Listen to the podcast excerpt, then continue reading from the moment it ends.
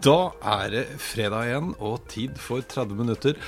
Litt spesiell uke det her sånn. Nå har vi altså uke to av eh, koronakarantene for de aller, aller fleste i en eller annen forstand. Og, men vi må gjøre det beste ut av det, og sendingen må på lufta. Og i dag har jeg besøk fra en avstand via internett eh, og en tjeneste som eh, lar oss ta opp eh, hvert for vårt sted, StreamYard. Så jeg sier det ikke for å reklamere for StreamYard, men for å bare unnskylde hvis lyden er litt rar i dag. Det skyldes at den er tatt opp på internett, men jeg tror det gikk ganske bra. Eh, og i dag er det Jan Tore Gjøby som er eh, gjest i studio. Han er egentlig elektroingeniør og elektriker fant ut i 2011 at han hadde lyst til å begynne med noe som handlet om mer fornuftig bruk av energi. Og det i kombinasjon med å være veldig interessert i biler eh, og eh, være elektriker, var ikke bare lett. Et av de første oppdragene han fikk, som han forteller om etterpå, handlet nettopp om å lage ladestasjon for elbiler. Og i 2011, folkens, da var det ikke så mye elbiler. Jeg hadde Reva, det kommer vi også innom, men uh, dette blir en veldig spennende og interessant uh, episode. Høre høre hvordan det var å starte med noe som ikke alle andre drev med. Også litt hvordan det påvirker oss, det vi opplever akkurat nå. Eh, og noen tanker om fremtida. Så dette er 30 minutter inn i fremtiden, og jeg er Eirik Normann Hansen. Hei, Jan Tore. Velkommen til meg. Takk for det. Takk. Hvordan går det? Jo, jeg sitter, akkurat som deg sitter jeg her i, her i hula mi. Det er jo det vi må gjøre for tida. Ja, ikke sant. Ja, det er jo litt spesielle tider nå. Altså, vi tar opp denne sendingen her nå i uke to av korona-shutdown. Uh, uh, og er jo litt spesielt for oss alle, men uh, vi får prøve å gjøre det beste ut av det. Vi skal ikke bare snakke om det, egentlig. Vi skal jo også snakke om hva du driver med, og hvorfor du driver med det du driver med. og du er jo egentlig elektroingeniør, elektriker. det stemmer. Ikke sant? Ja. ja. Og, og, fant ut hva var det for noe i 2011 at du skulle begynne med noe som handlet om og mer fornuftig bruk av energi. Det var det, det, var det som var planen. Etter ja. å ha fått noen oppdrag som konsulent hvor jeg skulle lage automasjonssystem og styre energien i noen prosjekter som jeg fant ut at jeg ikke ville skulle bli bygd. Så da ja. måtte jeg på noe annet. og hvorfor ville du ikke at de skulle bli bygd? Altså Det var jo måten de brukte energi på, og måten, altså det de slapp ut. Som, ja, for du, nå, nå, nå at du er det jeg trodde på. Ja, ikke sant? For Du blir jo nærmest en litt sånn halvschizofren fyr når du er elektriker, veldig glad i biler, og så syns du at vi ikke skal bruke så mye energi. Ja, det, det, det, har, det, har, vært en liten utfordring, den biten der, eh, opp gjennom åra. Men det har vært mye bedre de siste ti åra, da. Det har, ja, det ja, ja for det, Du fortalte meg da, før vi begynte at da i 2011 når du starta, så en av de første oppdragene du fikk som du ville ha, det, det, det, var et litt spesielt oppdrag den gang da. Hva var det? Ja. Det var Østfold fylkeskommune som kontakta meg. De skulle ha opp en ladestasjon for elbiler. Og i 2011, så dette var jo før Leafen kom også, tidlig i 2011, eh, skulle lade en Leaf da på 30 minutter. Så jeg dro opp kalkulatoren med en gang og skjønte at her var det to eneboliger som skulle av effekt som skulle opp. Så det, det var der det begynte. Det var der det begynte, ja. ja. Og da endte du opp med Leaf òg, eller? Jeg hadde en av de første Leafene i Norge, ja.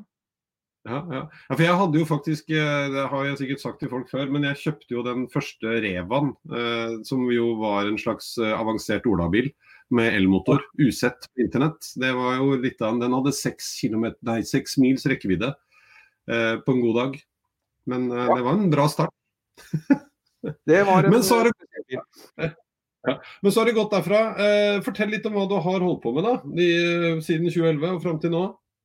Altså, jeg, jeg hadde jo når jeg starta firmaet, så tenkte jeg ikke at det var elbilen jeg skulle jobbe med. Det var jo mer mot industri. Men jeg eh, dro i gang med elbil og skjønte at her var det et marked, så jeg satsa på det. Var med når eh, Fortum Charge and Drive starta opp, og leide inn der. Tok på meg en del eh, oppdrag for det som en gang i tida het Transnova eh, og forskjellig. Mm. Og så var det noen som ville lære litt om denne, denne ladinga. Så til sånn tilfeldig så begynte jeg å holde kurs, da.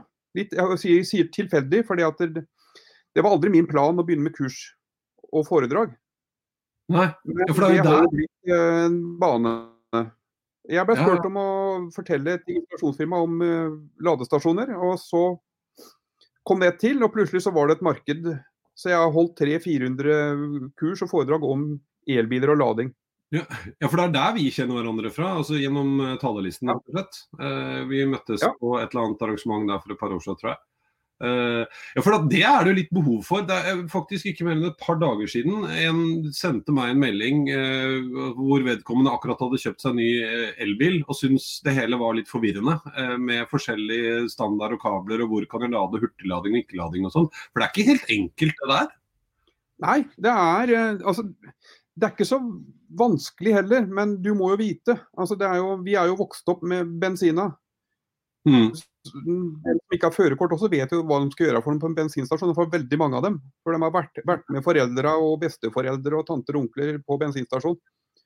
Eh, Når du kommer til lading, så er det noe annet. Og da trenger du ny kunnskap. Ja. Men holder du bare for bedrifter, eller er det andre For du, du, du er jo involvert i masse greier, er du ikke det? Jo, nei, jeg holder ikke bare for det, jeg holder jo for mange forskjellige. Det begynte med elektrobransjen og installasjonsfirmaer. Og jeg har Mm. vel jobba med de fleste i elektrobransjen, og så har jeg jobba med bilbransjen. Eh, Mm. Bilselgere og så videre. Også borettslag og sameier. Der har jeg også jobba en god del. Ja, Men ikke mye blir eh, til sluttbruker, det, det har jeg ikke jobba så mye med. Jeg kan lage noen online-kurs nå, vet du. For oss andre dødelige, så vi skjønner hvilken ende som skal inn hvor og sånn. Ja, bak meg så står kamera og lyskastere og det klart. Så det er jo pga. koronaen så har jo jeg eh, dratt støv av den eh, tanken. Det har vært Ja. litt, men nå må jeg virkelig jobbe med det. Det er eh, det jeg gjør for tida. Ja, ja, ja. Nei, det, og det åpner jo nye altså, både muligheter, men også utfordringer. Men jeg er jo litt spent på, jeg har snakket med en del andre nå denne uka her om hva som skjer på den fronten. Da. Jeg lurer jo på om vi nå pga. at vi må, så tar liksom folk nå rennafart og lærer seg en del ting som de har utsatt og utsatt og utsatt. For det er jo ikke sånn at videokonferanser og online-læring er nytt. Vi har bare ikke helt giddet å bruke det, for det var ikke nødvendig. Og så kommer vi nok i stor grad til å se at eh, jøss, det var ikke så dumt allikevel, kanskje. Men du, det, Ja. Ja, det, Ja, nei, det er jo det. For, men, men det er jo en ganske sånn spesiell opplevelse å stå eh, alene foran det kamera og så, og så snakke. Så det er, det er læring. Det er som alt annet. ja, ja, jeg, gjorde, ja, jeg gjorde i går, faktisk. Jeg har et eh, jeg, har, jeg, jeg er på en konferanse i dag eh, som vi da gjorde opptak Eller jeg måtte opp, ta opp meg selv i går. eh, og Det går en konferanse i dag hvor jeg da holder foredrag. Det var litt rart. Enig i det, altså. Og særlig hvis man Jeg har sånne vitser. Prøver jo å være litt gøyal når jeg holder foredrag. Veldig rart når du liksom kommer med din punch, og så skjer det ingenting. Jeg lurte på, skal jeg ha sånn Kan jeg ha legge på publikum for å få ja, litt feedback her? Ja, det, det Få energinivå opp når du står og snakker rett inn i et kamera alene i et stort bygg, det er eh, litt spesielt. Ja, ikke sant. ikke sant. Men du, tenk på det. Da kan du laste ned publikumsbruset fra siste Springsteen-konserten på Wembley. Så får du publikum så de griner etter. Det er ikke noe problem. Det er en mulighet. Absolutt. Det mulig. Du, litt tilbake igjen til For jeg syns jo det, den, den litt sånn artige eh, konflikten, ikke konflikten, men sånn nesten litt potensielle interessegreia her, er jo din interesse for bil også. Oppi det å skulle liksom begynne å jobbe med noe som handler om fornuftig bruk av energi. Eh, men, eh, men for du er, litt, du er litt interessert i biler og bilens historie og hva som har skjedd opp igjennom? Driver du ikke og skriver noe greier nå? Jo, det jeg driver og, og, og skriver. Jeg skriver jo om elbilen, men det er jo for å få litt uh, fyllstoff, eller fyllstoff.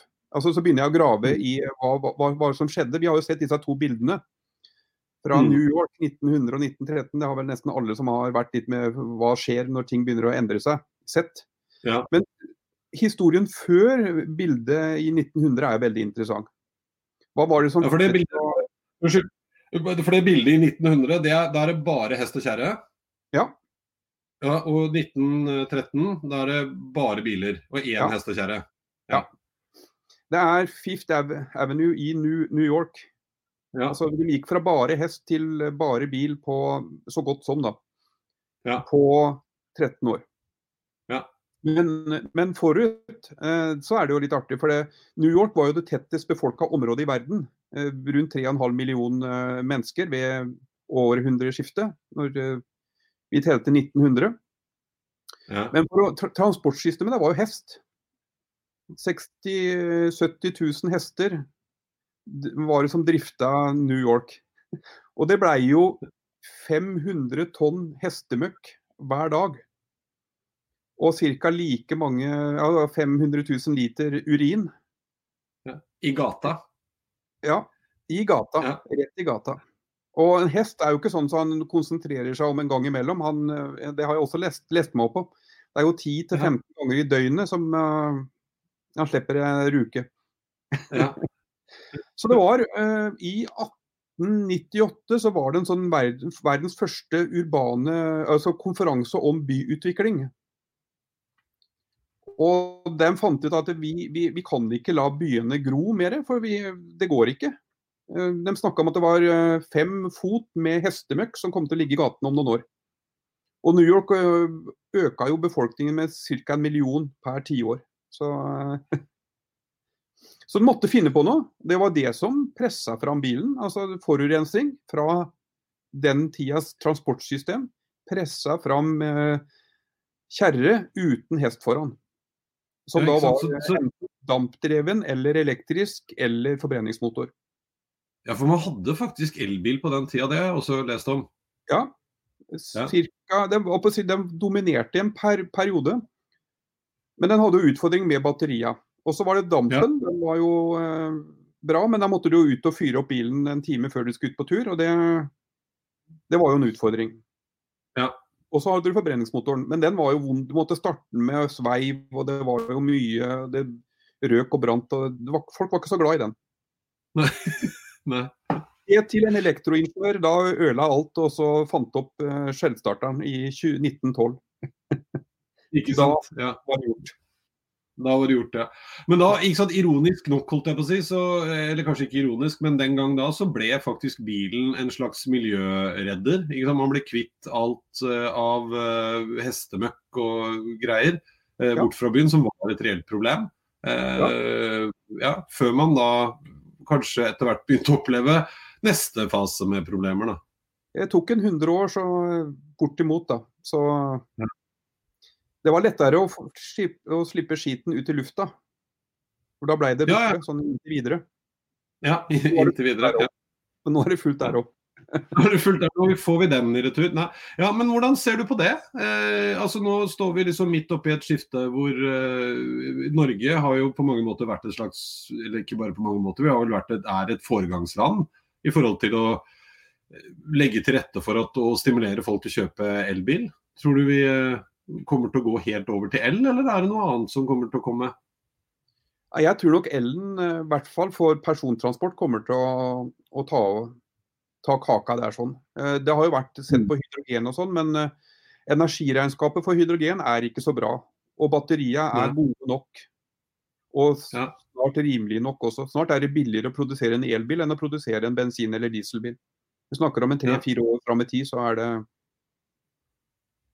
Så batteriteknologien eh, utvikler seg hele tida. Hydrogenet vil ikke utvikle seg raskt nok, som har vært et alternativ. Da. Og skal du tenke biodiesel, uh, biogass, så kreves det så mye ressurser at det er mm. vanskelig å se. Sola har vi jo og sånn, Det blåser, og der kan vi hente mm. kraft. Og i Norge så er det jo spesielt heldige som har vannkrafta vår i tillegg. Mm, mm. Mm. Ja, for det, det, er et sånt prosjekt som jeg tenkte på en gang. at det skulle, ha vært gøy å, å, Hvor mye solcellepanel trenger jeg for å kunne lade elbilen vår gratis? Mm. Altså det, at det ble et lite prosjekt i seg selv, at akkurat bil gikk i null. ja, men det, det si, Har du et sånt eh, rimelig normalt tak og ikke kjører altfor mye, så, det, så, går den i null. Ja, ikke sant. Ja. Mm. Spennende. Men, men uh... om sommeren og kanskje litt, litt om vinteren, da, men det Ja, ja. Men eh, ja, det er jo bedre enn ikke Nei, men det var et gøyalt prosjekt. Og så er det jo sånn der òg, som med batteri, at solceller blir også bedre og bedre og mer og mer effektive. Eh, ja. Og klarer å, å, generere mer og mer energi. Men, men mm. når du liksom tok rennafart i 2011, for det er jo, selv om det ikke høres så lenge ut siden, så er det jo faktisk en god stund siden. Begynner å nærme seg ti år. Eh, mm. og, og da var liksom elbil nesten ikke til stede. Nei, det var det ikke. Det var, var det 3 etter hvert som vi syntes var kjempebra når vi kom opp i det i 2011-2012 av salget. Mm. Så nei, Jeg kom fra, fra Rakkestad, der Revan importøren var. Så jeg har vært bortom med Reva, jeg også. Men det, eh, For det, han hadde bare ja, for det var jo for langt. Han måtte levere den. Den ble levert ute i gata utafor kontoret mitt husker jeg, med lastebil. For det, jo, gikk jo ikke an å kjøre den fra uh, importøren uh, inn til byen. Nei, det gikk fint. ja. Nei, så det var jo spesielt i Rakstad så var det jo altså I Oslo og Asker og Bærum så hadde de jo kjørt noen Revar og Buddier og Men ute i Rakstad så var det jo ikke noe. Eh, Nei så der ute så blei jeg jo spurt hva i all verden er det jeg gjør nå? Hva er det jeg driver med for noe? Ja. og så tok det bare to-tre år. Altså, jeg, og jeg hadde jo en sånn Circle K-kopp, det heter kanskje Statoil-kopp, jeg husker ikke helt hva det var. Men uh, Circle K-stasjonen i Rakstad den ligger jo midt i Bergenskrysset. Der er jo halve Rakstad innom hver morgen for å fylle kaffen sin. Og to-tre ja. år etterpå så spurte jo folk hvem bil skal jeg velge. Mm. Det er, det, endringa var jo ekstremt raskt. Ja. Ja, ja. Mm. Men, men, du driver fortsatt for deg selv, ikke sant? Du er bare deg i ditt ja, bare uh, meg, ja. Altså, det har vært litt sånn fram og tilbake, men jeg er tilbake for fullt med bare meg nå. Ja, Men mm. så liksom tørre å stå i det og være med på en endringsbølge og, og se forretningsmuligheter i det, var det vanskelig, syns du? Ja, altså jeg har jo vært elektroingeniør hele tida. Jeg har ikke vært noen sånn businessmann. Jeg har vært veldig glad i teknikken. Mm. Og, og, teknikk og mennesker, egentlig. Jeg tenker, tenker, tilbake, så det å lage gode løsninger for folk, og mm. for å få dem til å styre prosesser eller av et eller annet type. Så jeg var nok ikke forberedt på det, uh, hva jeg gikk til. Jeg skjønte at det, dette ville jeg være med på, men, uh, og så tok jeg det derifra. Ja. ja. Men uh, hva var liksom de største utfordringene, syns du? Ved å starte egen bedrift? Altså det, og det føler jeg vel litt enda, det er jo det å komme ut i markedet og fortelle at jeg fins. Ja. ja. Så fikk jeg jo store oppdrag, sånn som jeg jobba med Fortum f.eks. For ja. Og i etterkant også har jobba med Ionity, så har jo det vært veldig gode. Men det å, å hele tida fylle på med nye, nye konsulentoppdrag er tungt. Ja. Og når jeg begynte å holde kurs også, så var det det å Hvordan skal jeg fortelle folk at jeg fins? Mm, mm. Det var Men, en store utfordring. Ja, nei, for Der føler jeg at vi har en slags sånn uh, parallell. Da, fordi Der har vi liksom begge to endt opp med å være mye ute. og Du holder mye mer kurs, jeg holder ikke så mye kurs, men holder mye foredrag. Snakker om det du ja. tror på og driver med, samtidig som det er det du driver med. Uh. Har det vært en fin vei å gå, syns du? Ja, absolutt. Det å begynne med kurs og holde kurs, det er vel noe med det beste jeg har gjort yrkesmessig. Mm. Veldig ja. godt fornøyd med det. det er, uh, som en som uh, i ungdommen stamma litt og greier, og det å stå og holde kurs og holde foredrag, det, jeg storkoser meg. Rett og slett. Ja, ja. ja, for det er jo en terskel man skal over. altså For de aller aller fleste syns jo det er, er uh, skummelt. jeg husker også når jeg begynte med det første gang, var ikke så høy i hatten da. Uh, så man må liksom øve litt på det. Men, men, for jeg også føler jo at du, når du snakker uh, om altså Når du holder kurs eller holder foredrag, så handler det ikke om bedriften din og hvor mye du omsetter for og hvor mange oppdrag du har, men det handler om hva du tror på og hva du kan bidra med og hva du mener og tror er verdifullt og viktig. Uh, stemmer ikke det? Det stemmer. Jeg snakker aldri om bedriftsutvikling og sånn. Det, der er det andre som er bedre enn meg. Eh, jeg, eh, altså når du skal gå fra bensin eller diesel og over til strøm, så trengs det kompetanse. Mm. Til og med dem som kjøper seg en bil trenger å forstå hvordan dette henger sammen. Det er i hvert fall en stor fordel for å få dette til å fungere bra. Ja. Og det er vel det som gjør at jeg trives veldig godt. Jeg vet hva jeg snakker om. Og jeg tør å si det også. Jeg Har jo møtt mye motstand? Ja Altså det er jo alltid altså Elektrikere er vel ikke den som er mest positive til elbil. Så det er vel, hvert fall, Ikke så mye nå, men for noen år tilbake så var det alltid en eller to på kurs som Dette er jo egentlig bare tull. Ja, ikke sant. Ja. Ja. Og Det er litt rart at elektrikere liksom, ikke er for kurset. Det var jo Ja, for det er liksom Ja, for det er, jo, det er jo fair enough at man syns at det er gøy med bil. Eh, For det jeg blir litt forundret over noen ganger, er liksom det der voldsomme behovet ha, noen har hatt, kanskje mer enn har, eh, for å liksom skulle rakke ned på elbilen. Ja. Når greia egentlig bare er at jeg syns det er veldig kult med bil med 450 hester som bråker masse, eh, så kan man jo si det, da. Eh, tenker jeg.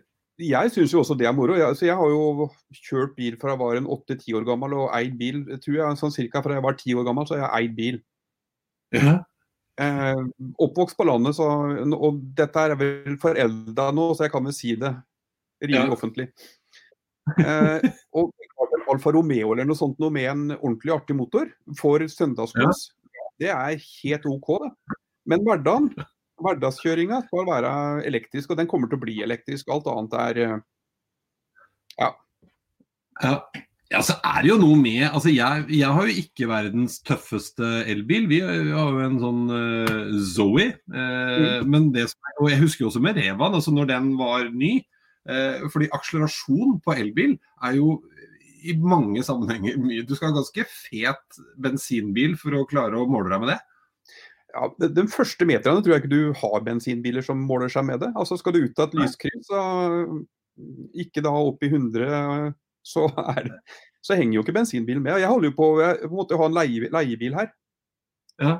Og skulle inn i ei rundkjøring med en sånn med automat og autostart og sånt. Jeg holdt jo på å krasje, fordi at bilen venta jo et sekund med å gå. Og jeg er så vant til at den bare starter. Altså, jeg husker jo, det synes Jeg jeg jobba på Skøyen da jeg hadde den Revaen, og kjørte den ofte til kontoret. Eh, og På Majorstua så er det to felt når du kjører forbi eh, Frognerparken. Eh, og der tok jo jeg alle i, eh, i eh, akselerasjon. Så jeg kom foran. Men eh, skulle vi fortere enn 50, så hadde jeg jo ikke klart det. Men det var altså så morsomt. Fordi gutta boys i store BMW-er de ble altså så irritert og grinte når den Ja. smatt forbi. Det var veldig gøy. Ja, ja, ja. Men du, hvis du skulle tatt en liten eh, titt på det som skjer nå. Eh, nå har verden i løpet av forferdelig kort tid snudd seg på huet. Eh, hvordan har det altså, og Forrige uke eh, da var det liksom totalsjokk. Da bråstoppa alt. og Da tror jeg ikke noen ting hang sammen med noe annet enn at alt var bare veldig usikkert. Men, men nå har det liksom gått en uke, og det er fortsatt tidlig. Men, men hvordan har det påvirka deg og din eh, business? Altså, da tenker jeg på i forhold til liksom, bil og det du driver med. Altså, skal vi si torsdag, det var jo en forrige torsdag, ei uke siden da, det var jo en grusom eh, dag. Det var avlyst, kansellert, eh, utsatt, i beste fall i innboksen hele dagen. Så det, da var Mm. egentlig mye borte. Eh, Så, men så hadde jeg noen eh, konsulentoppdrag på gang. Heldigvis har jeg Mm. klart å fylle opp litt med det. Så jeg har i hvert fall halvparten. Og så har jeg jo da rigga fram Altså jeg er jo glad i duppeditter, sånn som deg. Ja. Så jeg har kobla opp kamerautstyret her og, og, og laga et nettsted, elbilkurs.no. Ja, uten reklame, hvor jeg bare rett og slett nå produserer videoer og deler det jeg kan. For en Det- ja. grei inngangsbillett, så kan folk gå inn og se er de elektrikere eller hva de er. Så jeg bare putter alt inn i et uh, nettkurs. Ja. Ja, for det er, ikke, det er ikke vanskeligere egentlig enn det. Man trenger et kamera, en mikrofon og et lys hvis du skal være ordentlig proff. Og så Ja. Har lys. Og det finnes så- ja, så er det jo tute tute og kjøre. Så er det jo altså kvaliteten altså Jeg er jo ikke et studio, og jeg har ikke proffe folk til å produsere for meg. Eh, sånn som det er nå. Kanskje det kommer etter hvert. Mm. Men det har jeg gjort. Og det er jo litt for også å ha noe å henge fingrene i også. Kan du ikke bare sette Ja. seg ned og synes at verden er Det er, liksom, for det er noe å prøve å utforske nye, nye områder og nye løsninger òg. Eh, bruker du noen spesiell plattform for å dele filmen, eller hvor legger du det opp da? Ja, altså noe som heter eh, Trix. Norsk firma. Ja, stemmer det. Det, er, det, er, jo, det er jo, litt mer sånn eh, altså, Det er jo laga i en låve her i Østfold, det også. I uh, Råde. Utvikla.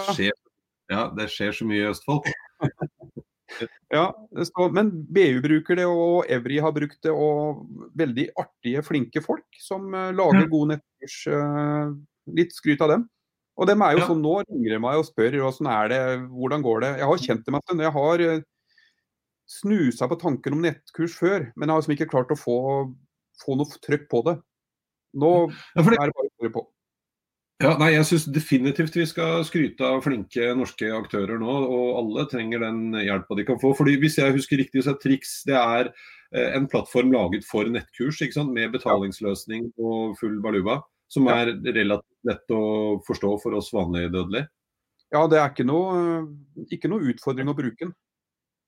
Så er det jo litt det fine at du kan ta telefonen rett inn til Marte der og så snakke med henne, og så får du et svar. Det er det som er så fett når man er litt sånn lite norsk selskap, for da kan du ringe til Marte. Det er ikke en eller annen sånn callsenter-greie. Det er Marte ordner opp. Marte og Strix. Ja, ja. ja, shout-out heter det, har jeg lært. Ja, det er shout-out. Sånn, vi, vi, hadde lunsj her om tirsdag. Da satt jeg eh, vi satt, satt vi sånn som du og jeg gjør nå. Ja. Og snakka sammen om muligheter og sånt med, med plattformen. Og det er veldig bra. Det er flott. det er flott. Ja. Men hvordan ser du på tida videre fremover nå? Hva tror du altså Nå tenker jeg Vi skal ikke prøve å være eh, korona- eller covid-19-eksperter, for det er det andre som er. Men uh, hva tenker du om fremtida for uh, elektriske biler og den bransjen du opererer i? Bortsett fra ja. at det, en liten, at det blir en lengre eller kortere mm, periode nå som er krevende. Men uh, fremtida? Jeg er nok uh, ganske så sikker på at framtida er elektrisk. Uh, mm. det, det korona fra eller til. Jeg tror korona kanskje vekker oss litt. Mm. I dag er altså Beste måten å reise rundt på, kollektivtrafikk, er jo litt utfordrende akkurat i disse koronatider også. Samling av mennesker. Ja. Elbilen mm. er jo helt uh, perfekt. Og i verste fall, sånn som du sier, med solpanel på taket også, så kan du jo fòre den sjøl med drivstoff. Ja, ja, Men det var, var koronabiten. Eh, ellers, eh, sånn, hvis vi ser bort fra korona, så er det jo Batteriprisene har jo rasa fra over 1000 dollar per kWt og ned til nå ned mot 100 dollar per kWt. Og det er den perioden jeg jobba med elbil, siden 2011. Og 100 er jo den magiske grensa. Sier at da er elbilen rimeligere enn bensin- og dieselbilen ut av, ut av fabrikken. Ja. Eh, og vedlikeholdskostnadene er mindre, energikostnadene er mindre. Eh, så det gjør jo at elbilen ganske så sikkert vil ta over relativt raskt. Eh, vi har hatt en forsmak i Norge fordi at vi har hatt gode insentiver. Mm. Og det har også vært, vært med på å påvirke utviklinga i, i, resten av verden. Mm. Det, det, er klart. Men dette kommer for fullt nå. Også, men så vil det også påvirke bilbransjen. Mm. Altså, når vi kanskje trenger en tredjedel av servicen på bilene, kanskje bare 25% av servicekostnadene. Så det er veldig mye som vil endre seg også, i bilbransjen f.eks. Mm. Mm. Mm. Ja, fordi, eh, og I tillegg til eh, at vi ser liksom masse eh, privatbiler, eh, så begynner det å komme både lastebiler og andre transportgreier og elektriske sykler. Og jeg syns det var ganske tøft at av alle liksom, motorsykkelmerker i verden, så var eh, Harley Davidson, om ikke først, så i hvert fall veldig tidlig ute med elektrisk motorsykkel. Ja. De var jo først ute av de, de etablerte merkene. Mm. Så var de ute. Så, det, det er også motorsykkel, det kommer, og det skjer veldig mye. Og det er jo også veldig raske. Det samme mm. gjelder jo, det samme gjelder jo uh, lastebiler. Det kommer mer og mer. Ja. Du må bare få skrudd det sammen. Det er jo tilbake igjen til hest og kjerre, da. Du må liksom ja. uh, finne ut hvordan skal du få denne nye kjerra til å gå på en uh, Hvordan kan vi bruke henne, hva er hensiktsmessig, og hvordan endrer vi bruksmønsteret for å få til å passe med teknologien, og hvordan kan den nye tek teknologien hjelpe oss å få enda bedre bruksmønstre og tanker. Det er jo utrolig behagelig da, å koble til bilen hjemme, og så slippe å kjøre på bensinstasjonen. Ja. Da slipper du det der pølsegreiene òg, for det er veldig fort gjort at det blir pølse og rekesalat når jeg er på bensinstasjon, merker jeg. Ja. Ja. Men, men eh, Ja, for der også skjer jo masse. Altså Nå snakker man jo om, akkurat som vi har eh, holdt på å si trådløs lading på mobiltelefoner og andre devices, så, så jobber man jo med det på eh, elbiler også. Så du kjører inn i garasjen, Ja. og da begynner den å lade? Altså, når, når, altså, det er jo en ting at bilen blir elektrisk, men bilen blir jo også autonom. Mer eller mindre selv, selvkjørende. Ja. Så hvis du Mm. har en bil som par, parkerer seg sjøl, så skal du ikke gå bak med kabelen og koble den til. Da, da må du jo ha trådløs lading også. Og Ikke? Ja. det, Ja, for jeg, ja, for det var det jeg tenkte jeg skulle si. For Jeg var jo så heldig å få dra til Jeg var jo på, i Las Vegas eh, på denne CES-konferansen. eh, Mhm. Som jo egentlig er eh, en forbruker eh, electronic eh, conference. eh, men da var jeg bl.a. på Hundai sin store pressekonferanse, eller store show. eh, og jeg synes det var ganske interessant å se at de snakket altså ikke om biler. De viste ikke fram noen av bilene sine. Det de snakket om var at de nå holder på å lage et helikopter som eh, mener å huske å være elektrisk. De var i hvert fall null utslipp, og det bråker ikke, så det får fly i byer. De skal lage huber som det lander på. Og så de lanserte de samarbeidet sitt med Uber, som da med enten Uber eller du selv, eller en sånn hub, sånn nei, pod, het den som de skulle lage. Selvkjørende ting. Eh, kommer og henter deg. Og Det de egentlig snakker om da, er hvordan de vil være med på å utvikle fremtidens infrastruktur for byene vi bor i. mm. Det er jo ganske spennende. Ja, det er utrolig spennende. For hvis du tenker den ti åra jeg har jobba med, da, snart ti år, mm. så har det jo endra seg over til elektrisk. Men de neste ti åra så tror jeg kommer til å være altså eierskap av bil. Er det Mm. å eie bilen sin? Altså Hvis du kan heller trykke på appen og si at nå trenger jeg transport. Ja. Eh, og, Ja, liksom- og, og veier, altså, som du sier, skal vi opp i lufta. Det, men det har jo vært snakk om i veldig mange tiår. Ja, ja. Men det som var interessant med det, faktisk, var at de var ikke ute etter å, å liksom, nå skal alle bilene begynne å fly. For det var en egen, og det var ikke en selvkjørende drone, det var et helikopter, men laget for by og transport. Uh, Mm. Fordi at det er store byer og mye folk, så vi kan ikke drive og kjøre rundt alle sammen. Men, eh, men eh, det som òg var interessant, var at eh, på en pressekonferanse der hvor da amerikanske luftfartsverket og NASA og de og Uber og flere aktører var med, så var det nå veldig tydelig en, en, altså De sa det selv, at nå er vi alle enige om at vi må opp i lufta. For fem år siden så var liksom Luftfartsverket bare sorry Mac, det går ikke, for det, det orker vi ikke. Men, men det er ambisjonen nå. Men det er liksom hvordan, litt som du var inne på i stad, hvordan vi, det blir et slags nettverk, en infrastruktur som din, hvis du eier eller leier, eller hva nå enn du gjør, eh, er en del av. Mm. Og så er det jo altså Her i Norge så ser vi vel kanskje ikke de utfordringene, for vi har jo ikke noen sånne store millionbyer. Nei. Hvis vi ser tilbake på utviklinga fra hesten igjen, for å gå tilbake til hesten enda en gang, så, Ja. så var det jo New York og London, hvor det bodde flere millioner mennesker også den gangen, som drev fram endringa. Og sånn vil det jo være denne gangen også. Jeg, jeg tror ikke det er Oslo eller Fredrikstad som jeg sitter i nå, eller og i hvert fall ikke Rakstad som jeg kommer fra, som vi snakka om, som, som kommer til å drive den fram. Men vi kommer til Nei. å se frukten av det. Ja, ja, ja. Helt klart. Men uh, siste avsluttende kommentar nå. Hvordan tror du verden ser ut i 2030? Det er ti år til. Det er, det er et ganske så stort spørsmål. Men jeg, jeg tror at vi har lært en del. Ja. Eh, Med tanke på hvordan vi skal oppføre oss. Eh, Jeg er litt optimist. Jeg tror teknikken hjelper oss litt. Og så Mm. tror jeg det at det, går opp noen lys. Det tar noen ganger litt tid å få lysa til å tenne rundt omkring. Og så eh, har vi fått et lite wake-up-call nå de siste ukene. Ja. Så jeg tror det at når vi ser på det, er det veldig mye selvkjørende. Og det er kanskje mye mer fornuftig transport som kommer. Det Mm. var ganske så vagt, men eh, jeg tror at fornuften kommer til å, å vinne. Men hva fornuften er, det er det vanskelig å spå om. Vanskelig. Ja, men Det er jo noe med denne kombinasjonen av teknologi og utvikling, og at vi nå får oss en liten nesestyver, eller stor nesestyver, som kanskje får oss til å tenke oss om litt uh, endelig. Du, Veldig tusen hjertelig takk for besøket, Jan Tore. Og så får vi passe på hverandre nå i den tida som kommer. Eh, vaske hendene og fortsette å bruke video en liten stund til.